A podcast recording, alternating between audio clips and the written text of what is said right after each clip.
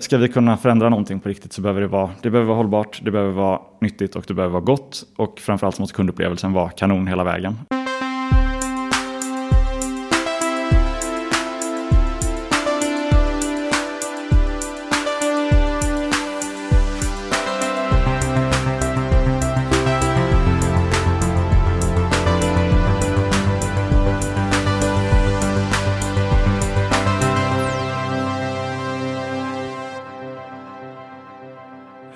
Tillbaka till Heja Framtiden där Christian von Essen.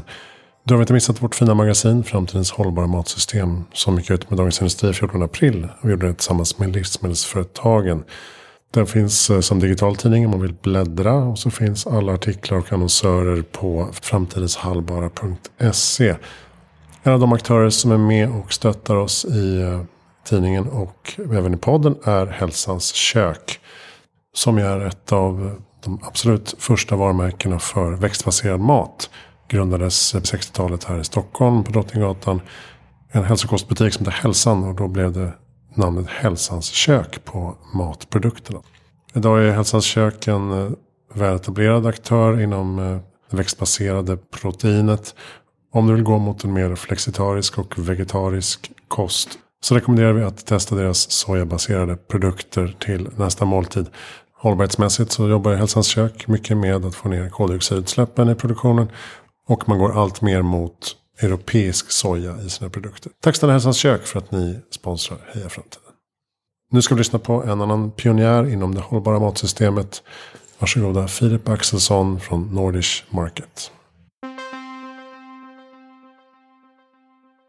Välkommen tillbaka till Heja Framtiden där Christian von Essen. Jag sitter i min eh, studio på Roslagsgatan i Stockholm eh, tillsammans med Filip Axelsson. Välkommen till podden. Tack så hemskt mycket. Vd va? och grundare av något som heter Nordish Market. Stämmer bra. Nordish, tycker det är ett bra namn. Tack så mycket. Ehm, baserad i Göteborg. Ja, exakt. Och här i Stockholm på blixtvisit. Du ska iväg till tåget snart. Stämmer bra. Stämmer bra. Det är söndag ska vi tillägga. Därför är det extra trevligt att vi kunde sammanstråla här idag. Berätta, vad är Nordish Market och eh, hur kom idén till det? Eh, Nordic Nordish Market, vi är en digital food court eh, med riktigt bra käk. Och vi levererar den till framförallt arbetsplatser. Och det kan vara på ett kontor eller ett hemmakontor eller ett cowork. Ehm, men grundidén är egentligen, det är min bror och jag som har startat det. Och vi kommer från restaurangfamilj och har jobbat, pappa och farmor och farfar och faster har restaurang. Och det är väl där vi är uppvuxna. Men för ett antal år sedan så kände väl vi, vi hade varit utanför restaurang ett tag, kom tillbaka och pratade om att vi ville starta någonting inom, inom mat. Men på ett nytt sätt med en ny take. Och egentligen de två frågeställningarna vi gick in med var att vi ville göra något som på riktigt är hållbart. Och, och vad är det? Och sen hur kan vi skala upp det på riktigt då? Så att det vi har landat i nu är att vi, vi lagar mat på en himla massa närodlade bra grönsaker framför allt. Eh, och sen så tar vi hand om en massa svinn från bland annat Coops butiker i Göteborg. Vi tar hem det till ett stort produktionskök som vi hyr in oss i och delar med en annan nattklubb i Göteborg. Eh, som heter Trädgården. Och eh, där sen så producerar vi massa, massa maträtter och cyklar ute med elektriska lastcyklar och elbilar ut till kontor och hemmakontor runt om i Göteborg. Okej, när eh, drog det igång? Vi började med pop-up eh, för att testa egentligen matlagningen, för att testa vad är liksom hållbar mat. Och det gjorde vi 2017. Eh, men i nuvarande form så startade vi för två år sedan ganska exakt, så vintern 2019. Hur har liksom uppskalningsprocessen sett ut då? Började ni med liksom en handfull kunder och testade? Ja, men det var väldigt det var krokigt. Eh, det började egentligen med att vi fick liksom ställa oss första frågan, vad, vad, vad är hållbar mat egentligen? Eh, mm. Och min bror är, som står för matlagningen, han kom från, från liksom varit skolad och jobbar med ja, men, lagat mycket kött och fisk och använt smör och uh, allt gött. Liksom. Uh, så att våra första fråga var så, uh, måste man laga vegetariskt, veganskt, ska det vara närodlat, uh, hur gör vi med matsvinn, ska det vara ekologiskt, ska det vara nyttigt? Ska det vara nyttigt och så vidare och så vidare.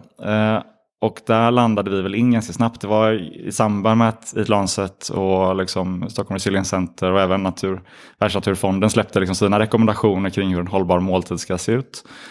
Och att en hållbar måltid bör vara hållbar både för klimatet och planeten och vår kropp och hälsan.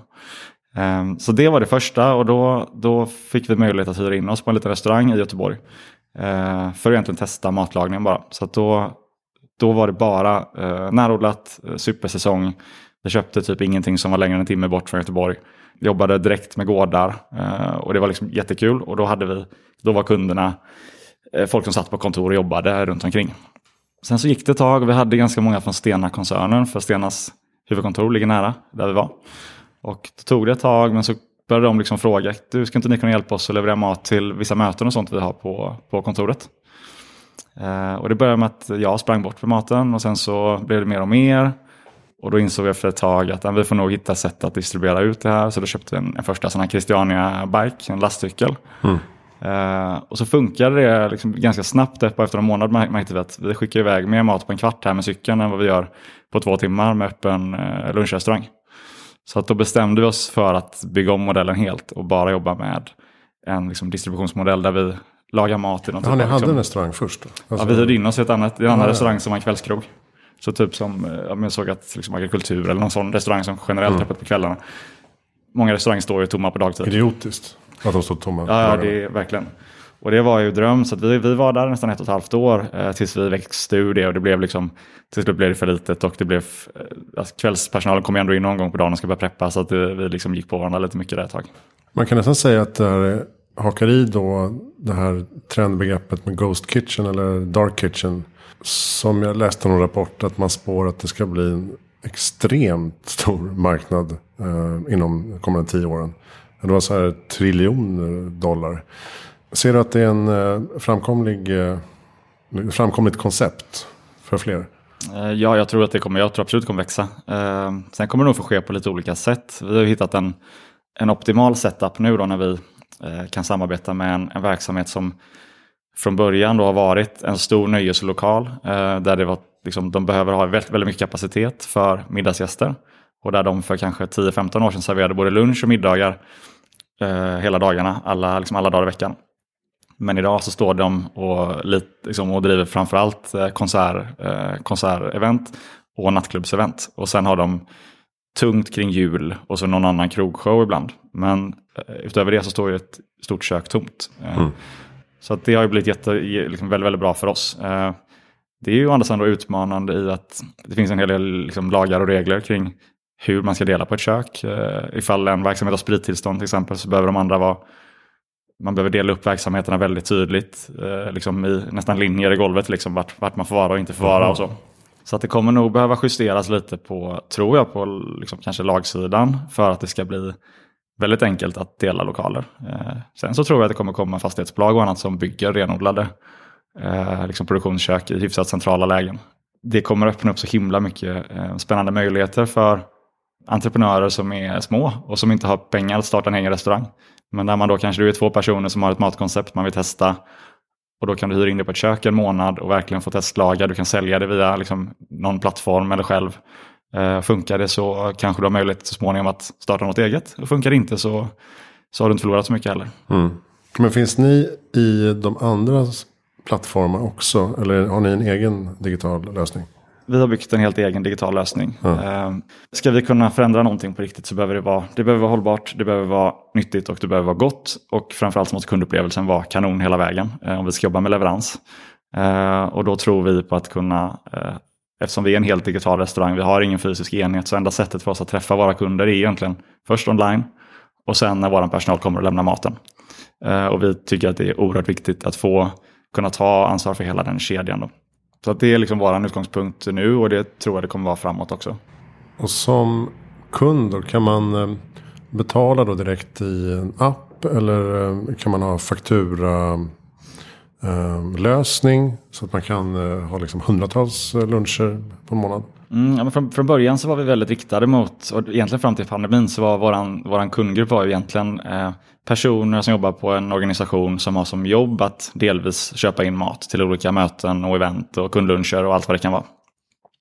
Eh, och då, så att vi har byggt hela liksom, plattformen för det. Så att kunden beställer via en webbsida eh, och, och, kan välja om de vill betala med hur de vill betala, faktura eller kort eller vad de vill. Och så har man kunnat beställa fram till tio samma dag och vi har kommit och levererat maten eh, liksom, i tid vid lunch. Och det kan vara då tre lunch eller hundra lunch. Eh, väldigt olika. Men sen pandemin så har det ju skett ett rätt stort skifte när det är fortfarande, äts fortfarande mat på kontoren men det är väldigt sällan de här liksom, vi hade en snittorder på 15 mat eller något sånt innan. Nu är det kanske tre. Så att det är, nu är det helt plötsligt mindre möten, spontana möten och det är inte längre kanske personen som har ansvar att köpa in mat som köper in mat utan det är mer kollegor som går ihop. Och då har vi behövt egentligen bygga om ganska mycket i både tekniken, hur, hur eh, en mer privatperson eh, liksom interagerar med oss. Eh, men också på logistiksidan. Hur, hur ska vi göra när vi ska få ut mat till eh, hemmakontor och till liksom många fler adresser på ungefär samma tid som vi innan. Då, då kunde vi lämna liksom 25 mat i en reception. Nu behöver vi åka och lämna tre mat på fem, sex olika ställen.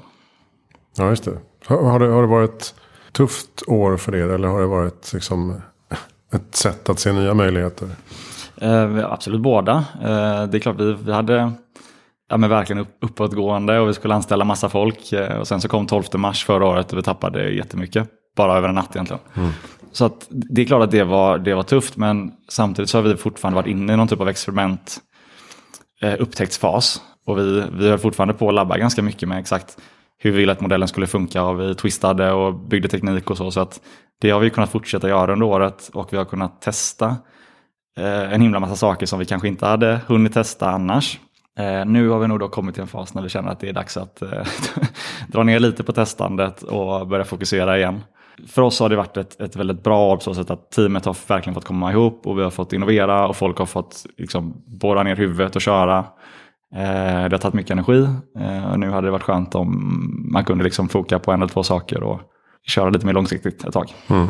Men hur eh, långt i förväg kan ni sätta menyerna? Om det är så säsongsbetonat och svinn och sådär. Vi har en meny idag som har en snitt, eh, snittklimatpåverkan på nästan, alltså vi är nästan nere på 0,2 vilket är tio gånger bättre än eh, en snittmåltid i Sverige idag som ligger på 2,0 CO2 då, eller koldioxidekvivalenter. Hur vi gör det är för att vi har byggt en helt flexibel struktur egentligen i matlagningen. Så att Dels så, så är det ju från början, eh, varje rätt har jättemycket grönsaker och baljväxter och en del nötter och liksom växtbaserat protein det mesta. Sen använder vi lite viltkött och använder lite fisk. Men vi har egentligen inga fasta ingredienser utan vi säger att vi ska ha 200 gram rotsaker till exempel. Och då kan det vara ena dagen får vi tag på massa morötter ifrån liksom Bengt och Katarina på Tångagård. Andra dagen så kommer det in jättemycket kålrot och kålrabbi som vi har räddat i svinn från Coop-butikerna till exempel. Så att, eh, och då använder vi det vi har. Eh, men vi vet om att vi vill ha ungefär 200 gram rotsaker. Eh, samma sak då med liksom det krispiga på toppen ifall det, det kan vara grönkål ena dagen och sen så är det en annan typ av sallad andra dagen. Och vi tror att det sättet, det var helt nödvändigt att jobba så när vi jobbade bara i säsong. När vi sen adderade på hela svinnhanteringen också, vi, vi åker och samlar in svinn varje dag från en massa butiker och vi köper in svinn från gårdar och från grossister. Vi kan ju få precis vad som helst. Eh, sen så ser man väl vissa mönster men det, det är ju helt avgörande för att kunna ta hand om allt så måste vi vara jätteflexibla. Eh, och då har man liksom, brorsan och de andra kockarna då byggt liksom upp en, en meny där man vi kan i princip ta in vilka råvaror som helst och sen skicka ner dem i lite olika rätter för att vissa rätter har kanske då lite mer asiatisk touch på sig. Så vet vi att får vi in jättemycket ingefära eller avokado i svinn då vet vi att det ska gå till vilka rätter. Eller mm. får vi in massa frukt då skickar vi ner och gör smoothies på det till exempel. Kommuniceras det varje dag då? Uppdateras på hemsidan? Ja. Vi säger ju att rätterna är väldigt levande eh, och sen så lägger vi in då varje dag, vi håller oss borta från alla liksom stora allergigrupper och så. Och där får man ju lägga in information om, det är ju framförallt det som är viktigt. Mm. Så kunderna, varför kunderna beställer ju ändå samma dag nästan jämt. Ja. Men vet ungefär vilka typer av rätter ni brukar Ja, de vet ju till exempel att ja, har de beställt eh, vår rätt Earthy Beats Balls så vet de att det kommer vara en, en rödbetsfalafel till exempel. Mm. Eh, de vet att det kommer vara en valnötskräm. Eh, så att man har, det har man koll på. Men man vet inte ifall det kommer vara morot eller potatis eller båda eller sparris på toppen eller så. Känns det som att ni har lyckats lösa väldigt många hållbarhetsparametrar samtidigt. Vad är liksom nästa steg Mm, I, den, I den bemärkelsen. För man ska göra det hållbart på riktigt, både liksom kring hälsan och kring eh, planeten, så behöver man ta in, alltså man behöver ta ansvar för hela måltiden. Eh, och det är väl vår utgångspunkt, att ska vi servera en måltid till någon så ska den personen veta att allt på den här tallriken är genomtänkt och allting är bra. Eh, och det fina är ju att när du gör det hållbart för planeten så tänker man till lite så gör man det ofta också hållbart för, för kroppen. Alltså mm. käka mycket frukt och grönt och baljväxter och nötter, alltså bra fetter. Det, det är bra på båda aspekterna. Nästa del som är den stora utmaningen för oss det är hur man, hur man skalar upp det, liksom hur man får till tillagning i större skala. Mm. och hur vi kan fortsätta att jobba med liksom, att samla in svinn och ha storskaligt samarbete med alla lokala bönderna och så. Eh, det tycker vi ju, liksom, det är ju det vi tror att vi kommer lösa framåt och, och ska fokusera på. Men eh, ja, vi får se. Det, det är inte gjort ännu, men vi tror att det mm. går. Hur ser uh, matsvinnsprojektet ut då? Ni, så att ni har samarbete med uh, massa Coop-butiker. Har ni avtalad tid att ni kommer förbi varje dag och hämtar det som finns att hämta så att säga? Mm, exakt. Det kan inte vara allt som ni vill ha heller. Vi tar allt frukt och grönt. Okay. Eh, och då har vi sagt till dem att, för innan har ju många av de här butikerna jobbat med svinn, någon partner. Eh, men då är det ofta kanske någon som hämtar bröd eller kött, sånt som kan gå till till exempel liksom, eh, Stadsmissionen eller någonting. Och, och, där de kan få ut ganska mycket då, bang for the buck. Liksom. Eh, du får ut mycket protein med ganska enkel tillagning. Och det gör de fortfarande då. Men just frukt och grönt har, vad vi har förstått då, butikerna haft rätt svårt att få avsättning på. För att det är väldigt få restauranger som jobbar så flexibelt. De flesta restaurangerna sätter ju en meny för ett år i förväg och skiftar ingenting liksom på mm. ingredienserna. Mm. Så att kommer det då in, om de får in massa grejer så kanske de slänger 90% och tar vara på det som de har i sin meny. Men så det vi har gjort är att vi har sagt till dem att vi tar allt som är Skicka hellre med för mycket saker, sånt som butikspersonal tror kanske att vi ska slänga. Mm. Så får vi sortera det istället. För att ofta är det så att vi, det som butikspersonalen till och med tycker är, ja, men det är för skadat, där kan vi ofta använda mycket av det ändå. Men så vi, vi ja, kommer till eh, fem stycken butiker i centrala Göteborg varje dag med våra cyklar. Uh, ibland med, med liksom elbil ifall de har mycket. Men då ringer vi på morgonen typ vid nio och frågar, har ni hunnit samla in ungefär hur många sådana här gråbackar har ni? Uh, och det kan då vara allt från en till 25. Och sen så åker vi dit, hämtar upp det och uh, ja, that's it egentligen. Uh, de registrerar ut det då från sitt system och vi plockar in det till oss och sen gör vi en en sortering direkt när vi får in det på vad är ätbart här, vad, vad behöver vi slänga direkt. Det kan ju vara då typ paket tomater och så är det en eller två tomater som är lite dåliga och resten är liksom jättefina. Mm. Och sen så sorterar vi då in det i vårt vanliga, liksom, in i kylarna och så har vi koll på vad vi har för något där. Ja, häftigt. Hur många luncher skulle du säga att ni drar ut på en dag nu? Ja, superolika, men innan pandemin när det var lite mer eh, regelbundet så var vi uppe på en, ja, mellan 200-300 ungefär. Eh, och det växte ganska ordentligt varje månad. Sen under pandemin så har det varit väldigt så skiftande. Vi har i perioder kört ut ett par hundra till sjukvården.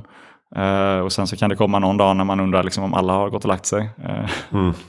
Så att vi får se. Men nu märker vi att det börjar, det börjar ticka på lite igen. Vi är kanske inte uppe på samma nivå som innan riktigt. Men, uh, men det börjar gå åt rätt håll. Vi pratade om att um, det flickvän bor i Stockholm och sådär. Eh, att det kan vara läge att eh, öppna samma koncept här. Det har vi väl tänkt från första början egentligen. Och har, eh, alltså Göteborg är, har varit klockrent för oss eftersom vi är från Göteborg och vi har alla kontakter i Göteborg. Men vi tror att Stockholm är nog en, eh, för det vi gör, kanske, det är kanske tio gånger större marknad än vad Göteborg är. Men vi har väl också sagt att det är en helt annan konkurrens här. Vi vill gärna känna att vi är eh, redo på alla sätt. Liksom.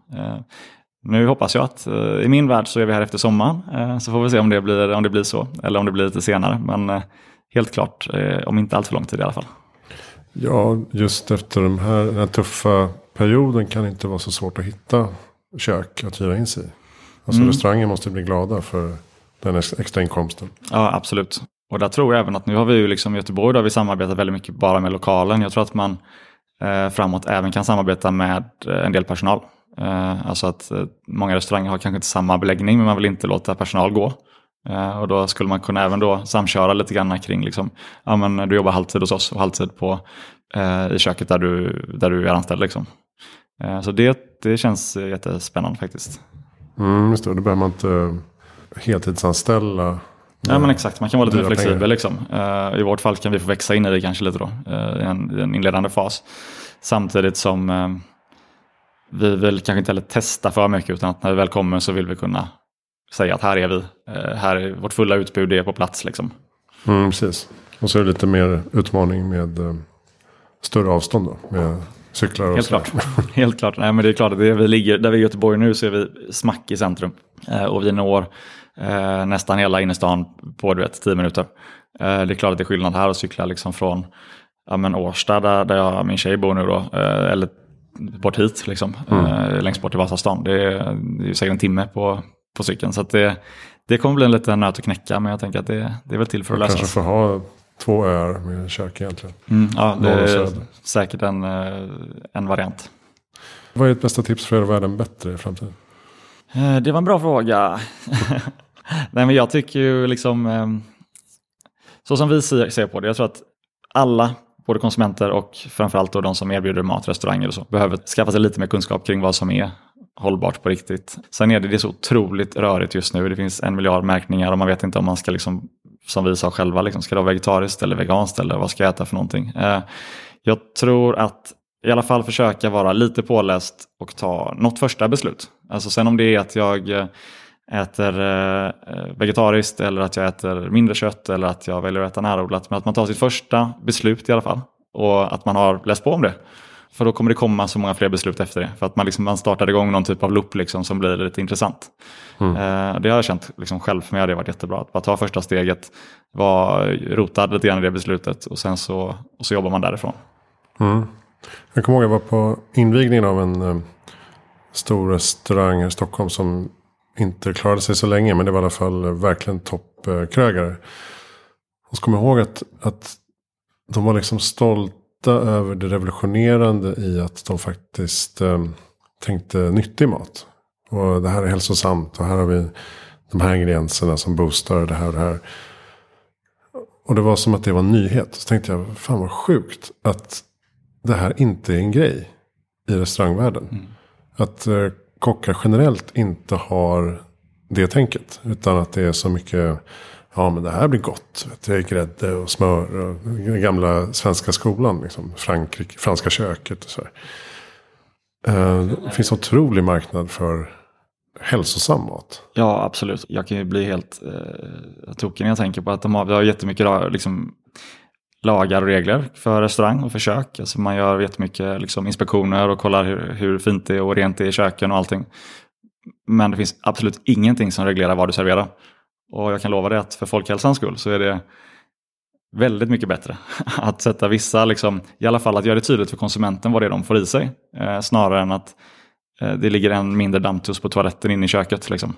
Eh, sen ska jag inte säga att det inte är viktigt, men det kommer nog behövas tror jag, framöver. Att man behöver nästan tvinga fram ett visst tänk kring detta, både kring hälsan och hållbarhetsbiten liksom, från restaurangernas sida. Ja, det behövs lite kompetensutveckling där nästan. Jag vet att vissa har pratat om att eh, starta sådana. Det finns sådana center nu för uh, utveckling inom, inom uh, det segmentet. Um, men det är bara som att se på kött när man som konsument i butik så är liksom från Sverige-märkning jätteviktigt. Och många väljer svenskt kött för att det är um, bättre på jättemånga sätt och antibiotika och sådär. Men på restauranger så skiter man i det. Det är bara det billigaste från uh, andra sidan jorden. Jag vet inte, det är sällan man ser att man skryter med.